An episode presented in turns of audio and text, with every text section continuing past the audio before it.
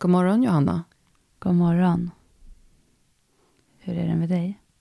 Det är bra, men jag har haft en um, fluga som har så här hoppat i mitt ansikte sedan klockan fyra i morse. Oh, när jag sov. Ja, fina. Man är så här trött så man orkar inte gå upp och slå ihjäl den. Men man Nej. försöker bara hitta ett gömställe som den inte ska hitta. Fast den hittar ja, det hela tiden. Ja, men vad vill den liksom? jag vet inte. Men det är fruktansvärt när man har en sån här fluga. Alltså, ja, jag började tänka så här konstiga saker, typ så här, är det här en död släkting som är reinkarnerad och försöker få kontakt med mig? Eller så varför vill den ha så mycket kontakt med mig? Och så, så viftar man bort den och sen så två sekunder senare bara bzzz. Alltså man måste verkligen gå upp och slå bort den. Men problemet är oftast, tycker jag, när man väl går upp, då ser man mm. det ju inte. Alltså, Nej, precis. Inte, då får man inte tag på den. Och så tänker man så okej okay, nu är den borta. Och så lägger man sig ner och så hinner man bara lagom så här, sluta ögonen. Så bara bzzz. ja. Alltså flugor, flugor borde kunna användas som tortyr.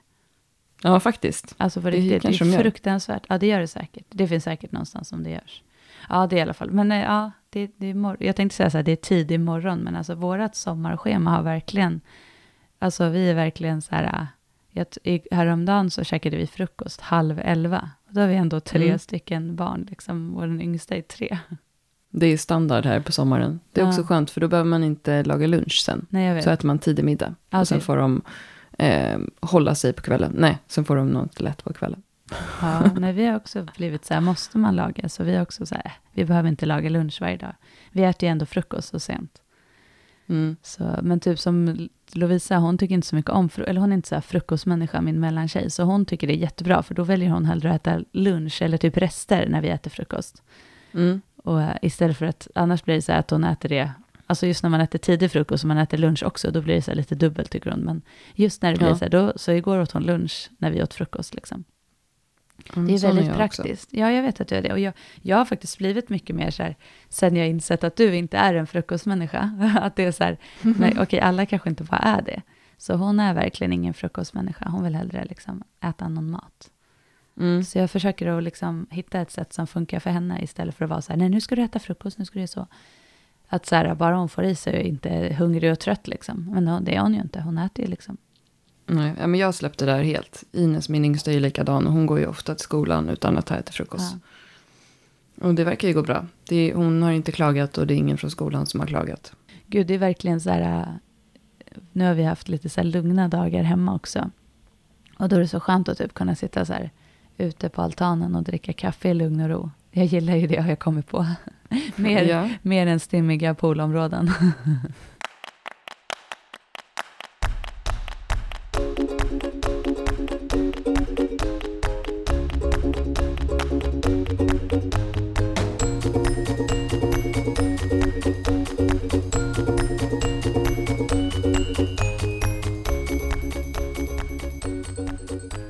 Vi var, hade dock en, någon typ av cykelincident igår, alltså, i vår familj, som höll på att ta mm. koll på mitt sommarmood.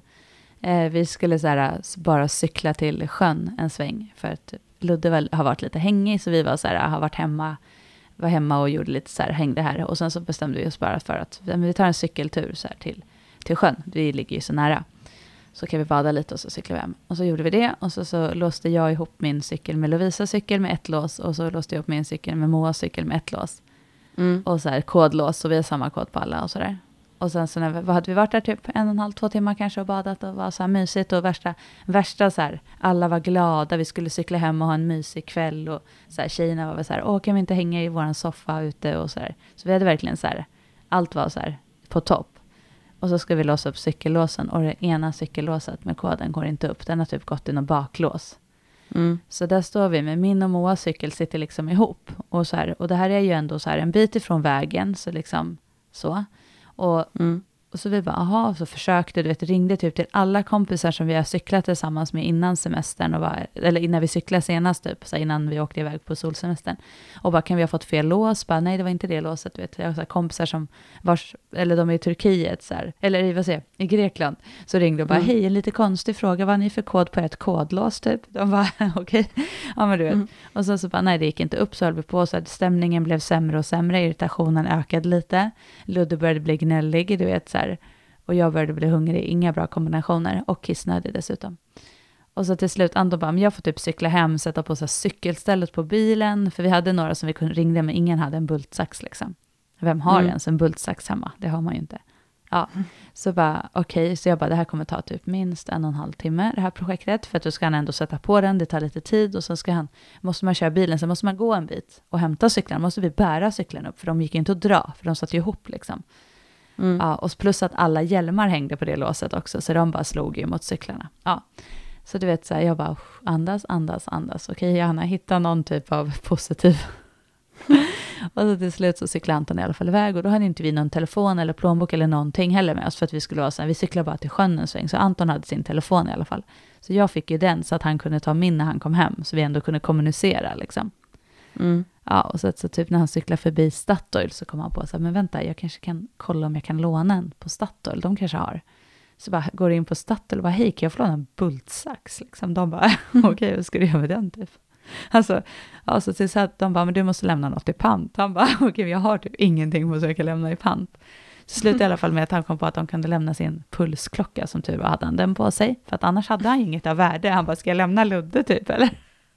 Du vet. Ja, men så typ kom han i alla fall tillbaka, så då gick det ändå ganska fort, för Statoil ligger ganska nära. Och sen stod vi där mitt på badplatsen, du vet. Mm. På toppen av det här kom det också vara det värsta stora ormen där också, precis vid cyklarna, så när vi skulle gå dit. Och jag hatar ju ormar, så jag Mm. hade ju typ puls 200 och var ju så här ännu grinigare, för att jag var så här rädd för ormar. Alltså jag tycker inte om Mm. ormar. Ja, och sen så till slut i alla fall så fick vi upp det där låset, och då var det ändå lite så här vinst. Alltså då var det lite så här, nu åker vi hem och firar typ. Mm. Men ja, fy, alltså du vet, det var väldigt nära att våran dag blev inte vad vi hade tänkt. Sen avslutades den ändå bra med häng hemma. Alla grät. Nej, typ ingen grät, men det var nära. Du grät. Jag grät i smyg. Och jag var lite så här också så här, när vi, jag ställde typ upp barnen på en rad och så bara, okej, nu är det så här. Det är ingen som tycker att det här är roligt. Jag förstår att ni börjar bli trötta och hungriga. Det spelar ingen roll vad ni gör nu. Nu är det bara att cykla hem. Du vet så här, och de bara, okej, okej. och sen när de kom hem då fick de så här cola och gud, de fick typ allt så här som jag vet att de gillar bara för att vi skulle köpa oss lite tid. För att det var ju så här, de var hungriga liksom. Ja. Så det var ändå, då blev det bra. Muta, muta, muta, muta. Muta är alltid, muta och hota, det är stöttepelarna i Mm. ett välfungerande föräldraskap. Ja, verkligen. Vi har ju släppt en magväska, eller fanny pack, eller vad man nu ska Mm. säga. Och det är ju, den är ju superpopulär, det är ju skitroligt.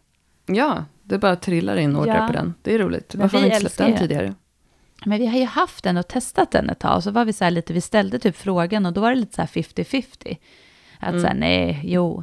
Men alltså jag tror också att den har fått ett uppsving nu. Den går ju, det, det är ju väldigt så här populärt med Mm. eh, med liksom den typen av väska. Men och det var till och med så att så här, Anton köpte en häromdagen. För att han var så här, när han ska typ åka till jobbet och han har sällan datorväska och sånt med sig för, liksom hem. Så Mm. då var han också så han bara, jag vill ha typ en väska där jag kan ha så här snuset, telefonen, hörlurar, nyckel, alltså typ Ja. sådana grejer. Så här, någon allergitablett eller någon nässpray eller något. Och jag bara, men det är ju verkligen sån. Och då sa jag så här, men du ska ju ha en av våra. Han bara, men älskling, vi kan inte gå i så här likadana sådana. Det känns ändå lite så här, han stöttar ändå och har så här styrkebyrån-tröjor och sånt. Men han bara, det kanske vi, kanske, ja, inte vi behöver gå likadana väskor liksom. Jag bara, man vill inte vara den där respektive som går bredvid och eh, Nej. ser ut som en eh, utklädd... eh, Ja, precis. Nej, han kände att det var liksom typ ett litet steg. Så här. Jag förstår Nej, honom. Ja, men och det gjorde jag också, så det var inte så att jag kämpade emot på något sätt. Men och sen så typ min dotter också så här, hon bara, mamma jag vill ha en sån där, det är jättebra. Och så bara insåg jag så här, men gud det är ju verkligen, den funkar till så många liksom. Den är bra som en sån här bag in a bag också. Absolut, verkligen. Man har så här värdesaker eller plån, småsaker i den när man har en stor väska, Mm. för annars så rotar man ju runt hela tiden. Och Ja. jag har ju till och med, jag brukar ha så här, jag har ju nästan alltid vår så här tygpåse, och då är det så skönt att Mm. ha den där, för då kan man också sätta fast den i, i handtaget liksom. Ja. när man inte har den på sig. Ja, nej men den är, det är jätteroligt. Den är, super, eh, den är superbra och vi gillar den. Och alla som har haft den ett tag och testat gillar den ju väldigt mycket. Den är också bra Mm. storlek. Den är, den är lite, lite större än de minsta varianterna skulle jag säga. Så man får ändå i lite i den. Mm. Man kan till och med få i, vet jag, eh, coach Pinell hade sina träningsskor i den. ja, just det. Mm. Just ja. Så det ja. går att få. Om man inte har, jag, för mig är det nog lite svårare som har större fötter. Men jag har så mycket grejer i min också så jag skulle inte få i något mer. Men jag har den varje Nej, dag. inte. Ja, jag använder min också jämt. Alltså jag har ju kommit på att jag har den så här, om jag ska typ göra någonting eller att man liksom är så här mer uppklädd, då har ju jag Mm. den också. Alltså jag har ju ingen, Mm. jag har ju en annan så här typ handväska som ändå är lite mer så här, eller några andra till och med, som är så här om man tänker att man skulle piffa till sig lite. Men alltså jag tar ju den där för jag tycker den är så bra, för den är så perfekt storlek och sen är det så skönt att ha den runt axeln. Men vi har ju blivit merch-spärrlösa också. Från början skrattade ju vi åt folk som gick omkring i sina merch-kläder innan vi Ja, hade det, det- själva. Det är nu korrekt. eh, ser vi ut som två tomtar. Ja, men vi gillar ju tomtar å andra sidan, så det är mysigt. Vi älskar ju oss själva, så att...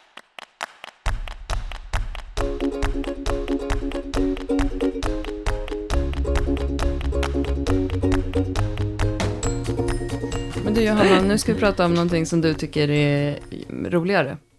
Nej, men det är därför, märker du inte hur jag... Hur jag Försöker för- dra ut på det. Ja, ja. Jag, ja, nu har jag fått handsvett. Vi har ju, vi har ju ett nytt samarbete med eh, en kär sponsor till podden som är vuxen. Där man kan köpa allting som har med sex att göra. Eh, Jag har inte kollat runt 100% på deras sajt, men jag kan tänka mig att man kan köpa allting. Ja, men jag har kollat Eh. runt ganska mycket, ska jag säga dig. Ja, Mm. och eh, de eh, har, kör en kampanj med oss nu som kommer gälla augusti ut. Där man, om man använder koden Styrkebyrån så får man 20% rabatt om man beställer någonting på minst 500 kronor. Och den gäller augusti ut. Och det kan ju bli ganska mycket rabatt om man vill köpa mycket grejer. Eh, så den är svinbra och eh, förra gången vi hade den här rabatten så gick den jättebra också. Så det verkar som att folk Mm. uppskattar den. Många, många har frågat efter om vi ska ha några mer samarbeten, så det känns ju jätteroligt. Precis. Även om det är lite svettigt för mig när jag Ja, precis. ska prata kliniskt och rakt som en robot. Exakt. Och låta så här väldigt mycket inlevelse i det. Och vi har ju fått en gigantisk låda med grejer som vi har delat upp sinsemellan oss nu. Och eh, temat eh, för de här avsnitten kommer vara parprodukter, saker som man kan använda tillsammans. Men vi tänkte börja med en, den del av produkterna som man faktiskt inte behöver vara ett par för att använda. Och det är ju faktiskt glidmedel. Ja, men får jag säga en sak också? Det är ju absolut att man, sak, det är flera saker som är tillsammans, men man kan ju också använda dem själv, vissa av de sakerna. Ja, Alltså, självklart. Men, och eh, men det är ju, det är ju lite vårt budskap också.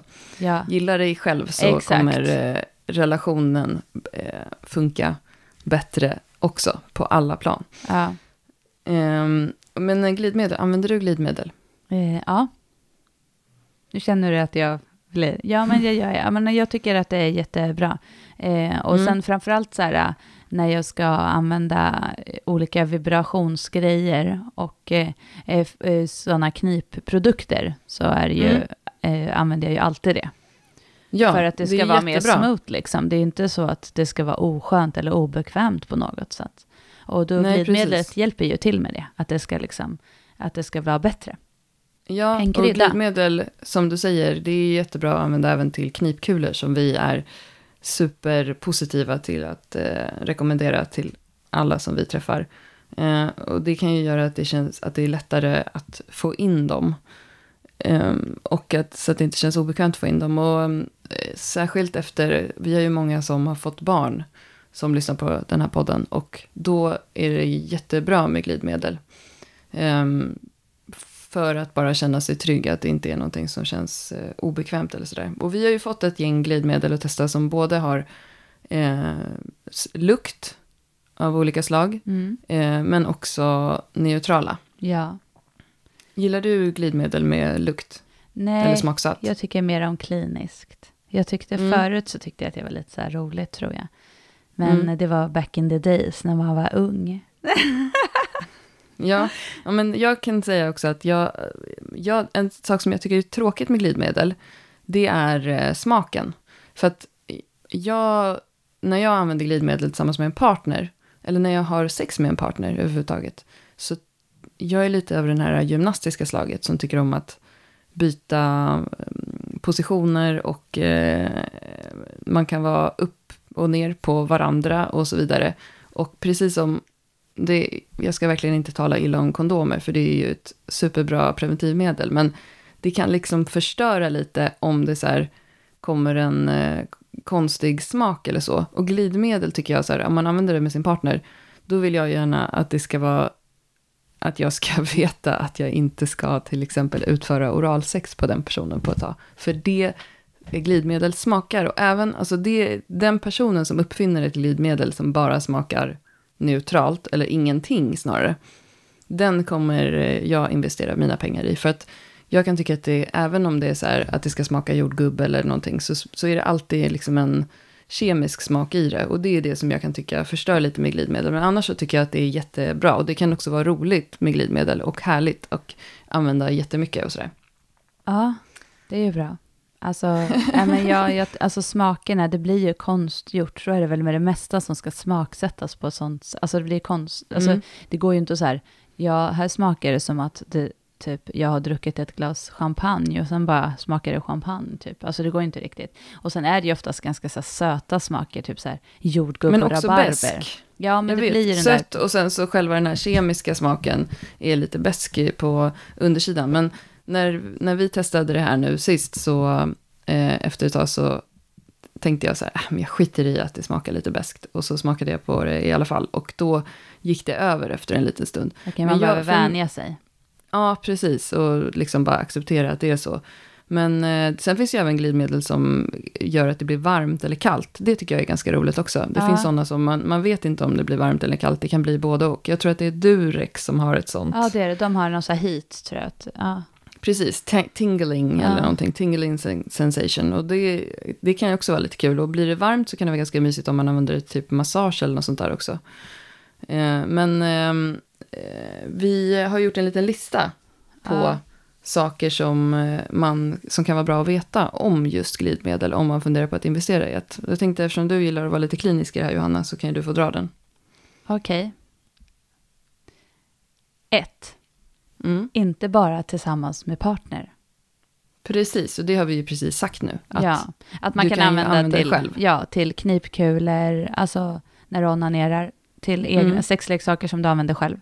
Alltså att bara, att göra, för att grejen är att om allt det här, om du gör det med bara utan det, så det kommer ju bli mycket, mycket skönare med glidmedel. Mm. För Ja. att det liksom blir ju mer glidigt. Exakt. Så du var inte rädd för, snåla inte på glidmedlet. Nej, precis. Okej, det finns ju då vattenbaserat versus silikonbaserat. Mm. Och eh, oftast är vattenbaserat billigare. Eh, men man behöver också använda mer för att glid, det torkar ut snabbare. Alltså silikonbaserat håller mycket längre och det, blir, det räcker typ med droppar. Det är väldigt mycket glidigare. Ja, och det är väl det som jag tycker är så här, ett bra glidmedel är ju ett sånt som inte torkar in snabbt. För att sådana som torkar in eh, efter en liten stund, då blir det ju nästan kontraproduktivt, själva Ja. effekten. Jag tycker bäst om silikon. Alltså Mm. eh, sådana. Jag tycker att de är också, de känns mycket så här trevligare mot huden. Ja, precis. Jag vet att vissa använder till och med de här silikonbaserade glidmedlen, de är lite mer exklusiva. Eh, eftersom jag är med i en massa så här hudvårdsnördgrupper, Ja. så använder vissa dem faktiskt i håret också. ja, men det kan jag tänka mig. Alltså, Som en så här hårolja ja. För topparna. Ja, för silikon liksom, det är väl säkert, om man tittar vad som är i sånt, så är det väl liksom, bara att i Mm. vanliga sådana som man ska ha i hår, är det säkert tillsatt massor med saker som då skulle göra att man inte skulle kunna ha det som glidmedel, men tvärtom funkar det. Exakt. Och eh, idag har det blivit modernt med sån här naturlig hudvård och sånt också. Och jag vet att många använder ju olika typer av naturliga matoljor till glidmedel, typ kokosolja och olivolja och sånt där. Det man ska tänka på då är att det finns en risk om man använder kondom att den inte håller för de typerna av produkter. Precis, precis och det är ju punkt nummer tre, använd, ing- använd inget annat som glidmedel tillsammans med kondom. Nej, precis. För att eh, man vill, om man använder kondom så vill man ju ändå att den ska hålla. Mm. Och sen så, nummer fyra, eh, Mm. att det är ju bra att man är upphetsad innan man använder glidmedel. Alltså att man inte tänker att glidmedel ska vara, så om jag använder det så, så blir det liksom skönt att ha sex. Exakt. Utan att det kan vara, alltså det är ändå så här, du ska ju ändå vilja och känna att så här, du är sugen liksom.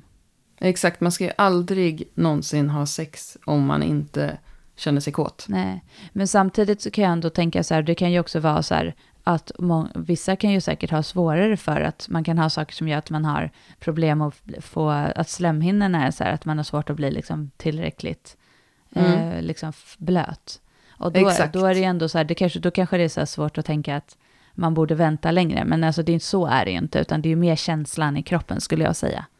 Ja, precis. Punkt nummer fem är en favorit för dig. Använd alltid glidmedel vid analsex. Just det, och det är ju för att i analen så produceras ju inte något naturligt glidmedel. Nej. Så att, att strunta i det vid analsex är, är ju bara dumt. Ja, men det är allting som du för in vid anal, alltså i analen. Ja, Alltså, verkligen. även om du inte ligger i analen. Mm. Så måste man... Ligga i analen. Nu känner du att det blev lite stimmigt. Nu är jag jättesvettig i handen. Nu läser Ja, jag punkt då- 6. Men jag kan bara säga en till sak om analen. Att i analen ska man aldrig stoppa in en extern apparat som inte har ett stopp. Nej, det har du sagt. Det, det Ja, är det- därför en sån här buttplug har liksom en bredare, ett bredare fäste. Och det är ju för att analen har inget stopp. Den kan liksom glida in och fastna. Och... Exakt. Och det är vår kompis Dr. Mellberg som är läkare. Hon har ju flera sådana roliga historier på, det är inte roligt för den som det händer, men på folk som har kommit in på akuten med saker som har åkt in Mm. hela vägen. Ja. Det är ju ångest alltså. Fy fasen. Ja, fy. Och det, nej, nej. Alltså, han, se till att ha ett stopp eller någonting som du kan hålla i den i. Alltså en ring eller något. Ja. Ja, det är bra. Ja, fy. Ja, men alltså, och det är inte jätteroligt, Klara. Nu tycker jag att vi inte skrattar åt sådana här saker. Det är, Ja, men vet du att det är ganska vanligt att folk kommer in på akuten med glasflaskor i Ja. stjärten? men det, jag tänker också så här, man lite så här, ta vad man har och så blir det lite, knasigt. Så tänker man inte på att det kan bli så här vakuum och sånt. Man är inte så kliniskt tänkande i sitt agerande när man är sugen. Exakt. Nej, och då fastnar de ju. Ja, för, för att det det, blir blir ett vakuum. vakuum. Och då måste de borra ett hål i dem så att det Mm. kommer in luft så att man kan få ut dem igen. Så inga flaskor. Nej, men gud, nu känner jag att det har spårat faktiskt. Men det var ju ändå så här dagens tips då, får du ändå stå för, Klara. Ja. Men sen, okej, den andra då, eh, eller sex, sexan punkten, sjätte punkten, eh, är ju, med glidmedel, är också att det är ju grymt till massage och använda som förspel. Alltså att man Mm. har, eh, liksom, att det blir väldigt mycket glidigare och att man kan använda det på många ställen på kroppen. Det är härligt. Eh, Ja. Mer, mer njutning åt folket. Men också, jag tror typ att vi ska, nu kommer vi inte göra det idag, men jag tycker nog ändå att vi ska göra en liten recap på knipkulor nu här, för att det var ett tag sedan vi gjorde det. Mm. Verkligen. Så äh, verkligen, äh, det får vi prata mer om. Så och sen ja, så, men vi får mycket frågor om det också. Ja, och- vilka man ska välja och sådär. ja, och jag tänker att det ska vi göra definitivt. Men också så här att vi kanske ska be folk om att tipsa om sina favoritknipkulor. Mm. Det vore lite roligt. Det är en bra idé. Ja, Ja. Så vi kan ha ett avsnitt om knipkulor och så får alla liksom, som har, dels om de har så här bra tips på liksom när man ska knipa och hur de, hur de själva gör. Alltså så här, jag gör Mm. alltid det så här, eller hur har man skapat rutiner kring det. Så gör vi ett rent knipavsnitt där vi pratar om knipkulor. Bra idé. Ja, så det får vi göra. Så det får ni, det får ni börja fundera på om ni har några bra tips. Eh, så, Ja. så kan ni dela med er. Och även om ni har några så här eh, glidmedeltips till Klara som undrar det här med smaken. Det kanske finns något hon har missat så får ni gärna dela med er av det. jag, tänker inte, jag lägger inte så mycket värdering i smaken. Det låter bra. Ja. Jag tänkte vi skulle avsluta med ett tips för den som ändå är av det här naturligare slaget, eller budgetslaget, för det är faktiskt extremt billigt, så kan man göra sitt eget glidmedel. Ja. Eh, och då tar man två matskedar majsstärkelse och Mm. två deciliter vatten. Och så blandar man det i en kastrull och så kokar man upp det tills det tjocknar rejält. Och sen så sänker man värmen och låter det puttra någon minut eller två. Tills geggan i kastrullen är genomskinlig. Eh, då kan man ta av det från spisen och låta det svalna. Och sen när det är kallt så kan man spä ut det med vatten till önskad konsistens. Och sen hälla upp det på en pumpflaska. Eller så kan man såklart använda det direkt. Oj. Det är ingenting för mig måste jag ändå säga. Skulle aldrig orka hålla på med det där. Jag orkar ju inte ens eh, koka sylt. Nej, jag får ju lite slime-känsla av det här och slime och, och, och så känns ju aldrig bra för mig. För den som ändå vill ha så här naturliga saker i kroppen så kan man alltså göra eget. Jag tycker det är jättebra att man kan göra det, så väljer man själv liksom. Exakt. Mm. Eh, men så att eh, augusti ut gäller koden Styrkebyrån. Då får du 20% rabatt på ditt inköp hos vuxen.se eh, om du handlar för över 500 kronor. Det gör man ju lätt när man handlar där. Ja. Mm. Ja, men just det. Jag har ju också ett favoritglidmedel som också finns hos vuxen. Och det är ett som heter, jag vet inte om man, jag tror att man säger du tror pjur. För det är inget e på stavas slutet. det. Ja, exakt. Det finns, de har jättemånga olika sorter. Så här för män, för kvinnor, eh, Backdoor för allergiker. Eh, backdoor har de. Backdoor innehåller ju lite så här, Ja, det är, ju faktiskt- hemskt med lite det, så här det, Sånt där bedövning. blir jag lite anti faktiskt, men Ja, för att, jag vill, för att om man är rädd, om man ska hålla på med där och så vidare. Eh, de, det tycker jag är ett skitbra glidmedel. Och det är sånt som jag vet att flera Mm. använder i håret Mm. i hudvårdsgrupperna. Pure. Och eh, det också håller finns väldigt också länge. ett Alltså vegan. glidet. Så det torkar inte in så fort. Boman Vegan. Jag, häng, jag är Just på det. den här sidan nu och kollar. Ja, men jag har ganska bra koll. Jag, faktiskt, jag tycker koll, att det är lite spännande så här, så det är inte så att jag är helt off det här. Alltså jag, jag, jag, jag har ju sådana här saker. Det är bara att jag tycker att det kan vara lite klurigt att prata om det. Men absolut, det finns ju massor med olika Mm. och eh, eh, beroende på, jag gillar ju nog, jag gillar ju så här som är väldigt så här neutrala, väldigt neutrala, silikoniga. Men också så Ja. tycker jag att de här som har lite hit eller kyla kan vara lite så härliga att använda. Mm, så det, de tycker jag om, gillar jag. Mm. Men jag är väldigt så här, jag tycker om de här klassiska, Ja. eller klassiska, men de har också väldigt mycket, de här RFSU. Man kan också ofta köpa såna här små flaskor. Ja, men precis, för då kan man testa lite också. vad man tycker om dem. Exakt. Så eh, glid loss.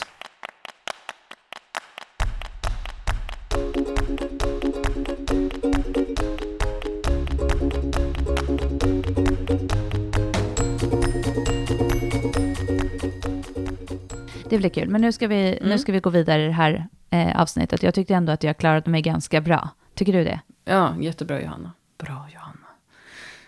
Ja, du, ehm, det här med att träna till failure har det varit mycket snack om på sistone i tränings, styrketräningsvärlden. Tränar du till failure? Eh, ja, det gör jag. Dels gör jag det i mitt sommarträningsupplägg som jag gör just nu. För då eh, ska man ha väldigt kort vila och göra totalt 40 repetitioner av en övning. Eh, och då gör man åtta stycken första setet. Men sen orkar man oftast inte göra åtta stycken varje set. Så då blir det ju någon slags failure och så vilar man lite och så kör man igen. Eh, men sen så har jag även lagt in det i flera av våra träningsprogram som vi säljer. Där man jobbar med sin maxstyrka och sen så sänker man vikten i en övning till kanske 60% och så gör man till failure i, i den Men- övningen. Gör, gör Nej, du det? jag gör det inte jätteofta till failure. Men, eller inte i, jo, det gör jag i vissa övningar. Eh, men ofta så tänker jag att jag vill kunna göra till exempel, om jag ska göra tre tior, då försöker jag hitta en vikt som jag ska kunna göra tre tior, men inte orka speciellt mycket mer. På, men Mm. jag tror att vi kanske ska så här klargöra lite vad vi menar till failure också, för att det är ganska stor skillnad. Jag kan tänka att många tänker så här när man säger failure, alltså när, och vi säger så här, gör så Mm. många tills du inte orkar mer. Det är ju fortfarande så här, om du ska typ göra knäböj, vi säger på en viss procent, eh, och så ska du göra så många Mm. du kan, vi säger att du ska göra så många du kan på 40 kilo då. Och så har du tränat på kanske 60 eller 70 då, när du har gjort dina arbetssätt. Då är det ju liksom att Mm. göra så många man kan, det är inte så att man gör tills man trillar ihop och inte kommer upp. Nej, Utan du ska ju är ju fortfarande, mer... du ska ju göra tills att du får mjölksyra och att du känner att det bara bränner liksom. Exakt, det, kan ju, det är ju mer en teknisk failure. Men om man gör typ en biceps curl, då kan man ju göra tills man känner att man inte får upp armen längre. Exakt, så det är lite olika tycker jag ändå med failure. Alltså så att det inte man får en så här förtro, att man, det handlar om att liksom gå tills man tar totalt, totalt slut. För det är också en vikt som inte är tekniskt svår när, när man gör på större övningar. Ja, precis.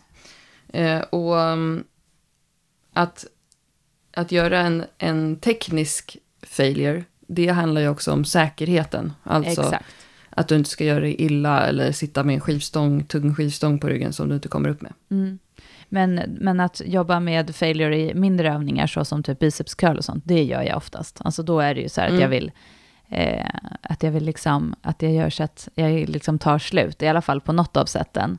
Men eh, jag gör ju sällan övningar där jag hade orkat göra, alltså om jag, nu tänker jag inte på mina huvudövningar, typ bänk, Mm. markböj. Men i mina assisterande övningar så är det ju många gånger jag gör som jag inte hade orkat en enda reps till Mm. eh, i något av sätten för att det blir så, för att man tar slut liksom. Ja, Men jag skulle inte säga att jag, jag är nog ingen så här, jag tränar ofta till failure, det gör jag inte. nej precis. Men vad är fördelen med att träna till failure, upplever du? Alltså om jag ska titta på de som vi träffar och varför Mm. jag gör det med, med flera av mina kunder, så handlar det mer om att de ska lära sig att ta i och se att de kan utmana sig själva mycket mer än vad de tror. Mm. Eh, och att, så att egentligen så är det ju inte riktigt en failure-träning, utan det handlar ju om att, att våga ta i de där extra, set, eller extra repsen som man kanske tror att man inte har, för man, man tycker att man blir trött. Ja. Så jag tycker att det finns en nytta i att, att träna på den typen av failure just för många, för att liksom, man inte tar i tillräckligt mycket när man tränar. Vad har du för tankar där och hur använder du det?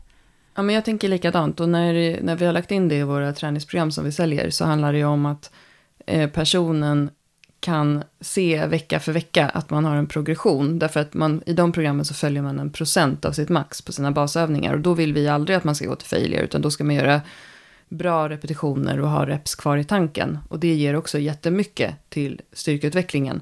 Men att sen plocka av vikt och gå till failure kan ge ett självförtroende i att så här, kolla jag kan öka lite hela tiden. Mm. Ett sätt att se sin, att liksom orka mer. Precis, men kan du komma på någon negativ eh, aspekt i att gå till failure? Ja, men det skulle vara att är det, är det så att det, man tappar det tekniska eh, och att det liksom blir en övning som man inte hanterar, att man ju närmare, ju tröttare du blir, desto större chans är det väl att du kommer närmare skada. Liksom. Och gör du det väldigt ofta så blir det väldigt slitet för kroppen, tänker jag. Ja, för det är ju faktiskt en negativ aspekt. att Om du går till failure i övningar så får du mycket, oftast mycket mer träningsverk och det tar längre tid att återhämta mm. dig efteråt. Och skulle man bara träna då till failure och vilja träna flera gånger i veckan så kan det bli väldigt jobbigt. Och det kan också göra att man inte tränar eh, det där passet som man hade tänkt för att man behöver längre återhämtning. Mm, men det är en så klurig, det är en negativ aspekt. Det är en klurig balansgång skulle jag säga. Men vi har ju kollat på en studie som har varit uppe här i lite här och var eh, den senaste mm. tiden. Men kan inte du, eh, kan inte du bara lite snabbt så här, eh, förklara den? Just för där har man ju tittat på eh, två mm. grupper och den är, den är ny. Eh, just det här med att den, det är en väldigt bra, bra mm, studie på just det här med failure träning. Just det, det var, den är faktiskt från juli, så den är helt färsk. Mm. Eh, och då hade man en testgrupp med vältränade män i 27-årsåldern, det var väl ett snitt då. Och under tio veckor så tränade den ena gruppen till failure baserat från deras 1RM, medan den andra gruppen avslutade sättet precis innan failure, baserat på då uppfattad utmattning. Och sen så jämförde man de här grupperna och matchade deras totala träningsbelastning. Och de tränade tre gånger i veckan, måndag, onsdag, fredag. Och sen mätte man deras eh, muskelstorlek eh, under tiden och efteråt. Eh, och tittade på muskelfibrer och deras tvärsnittsarea, typ 1, typ 2. Och så tog man biopsier, alltså det var verkligen en så här grundlig studie. Och resultatet var att gruppen som inte gick till failure fick bättre resultat i ökad muskeltjocklek eh, och tvärsnittsarean för typ 1 och typ 2 fibrer. Eh, men båda grupperna uppvisade muskeltillväxt av träningen. Men det, den var alltså större hos deltagarna som avbrutit sina sätt innan failure.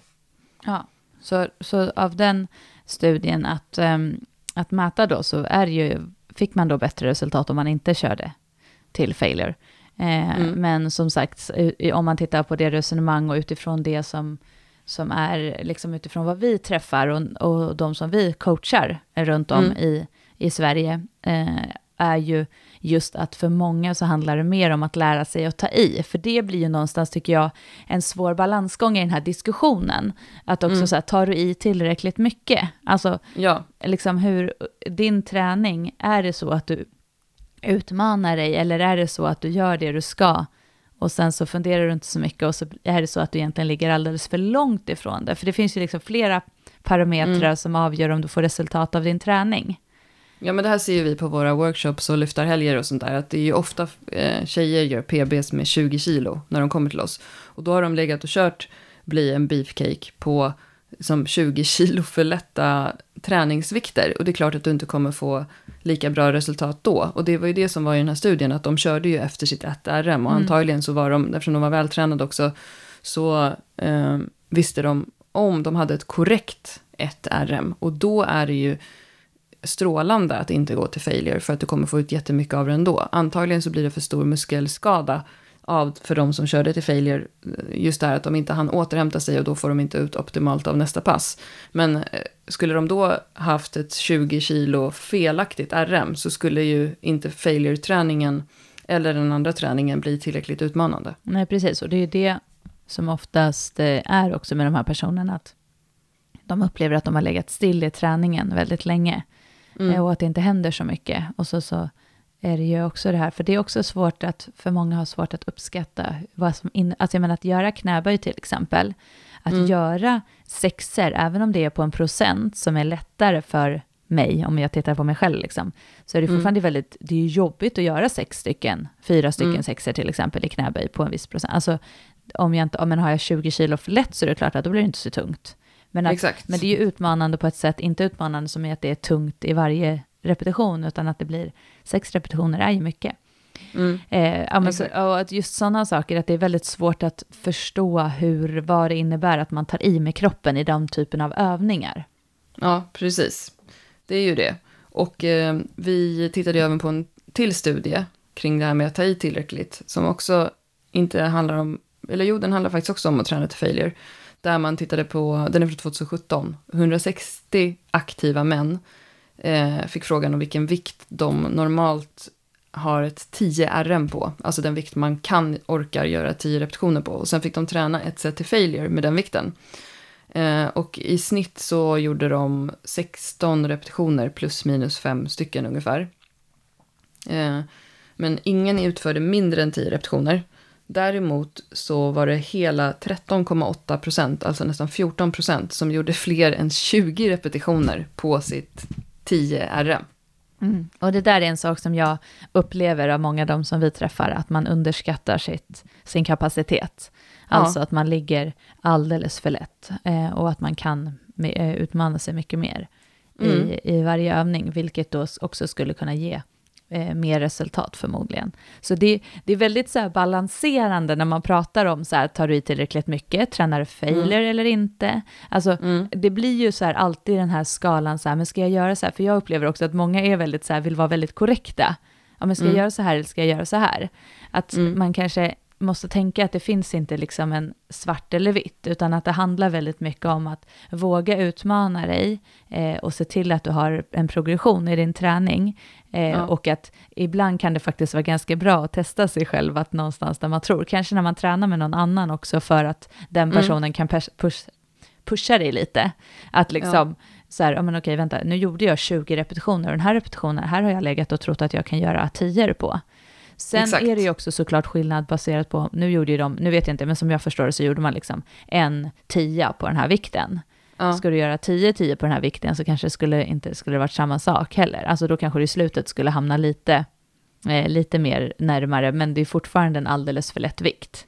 Precis, det handlar ju ändå om det budskapet, att Ja. de flesta kan ta i mer än vad de tror. Men det är det jag tror också att, ehm, att, att göra ett 1 RM, att göra ett maxlyft, det handlar ju jättemycket också om nervsystem och teknik och vana att göra det som du ska göra. Definitivt. Alltså, att du måste träna på det.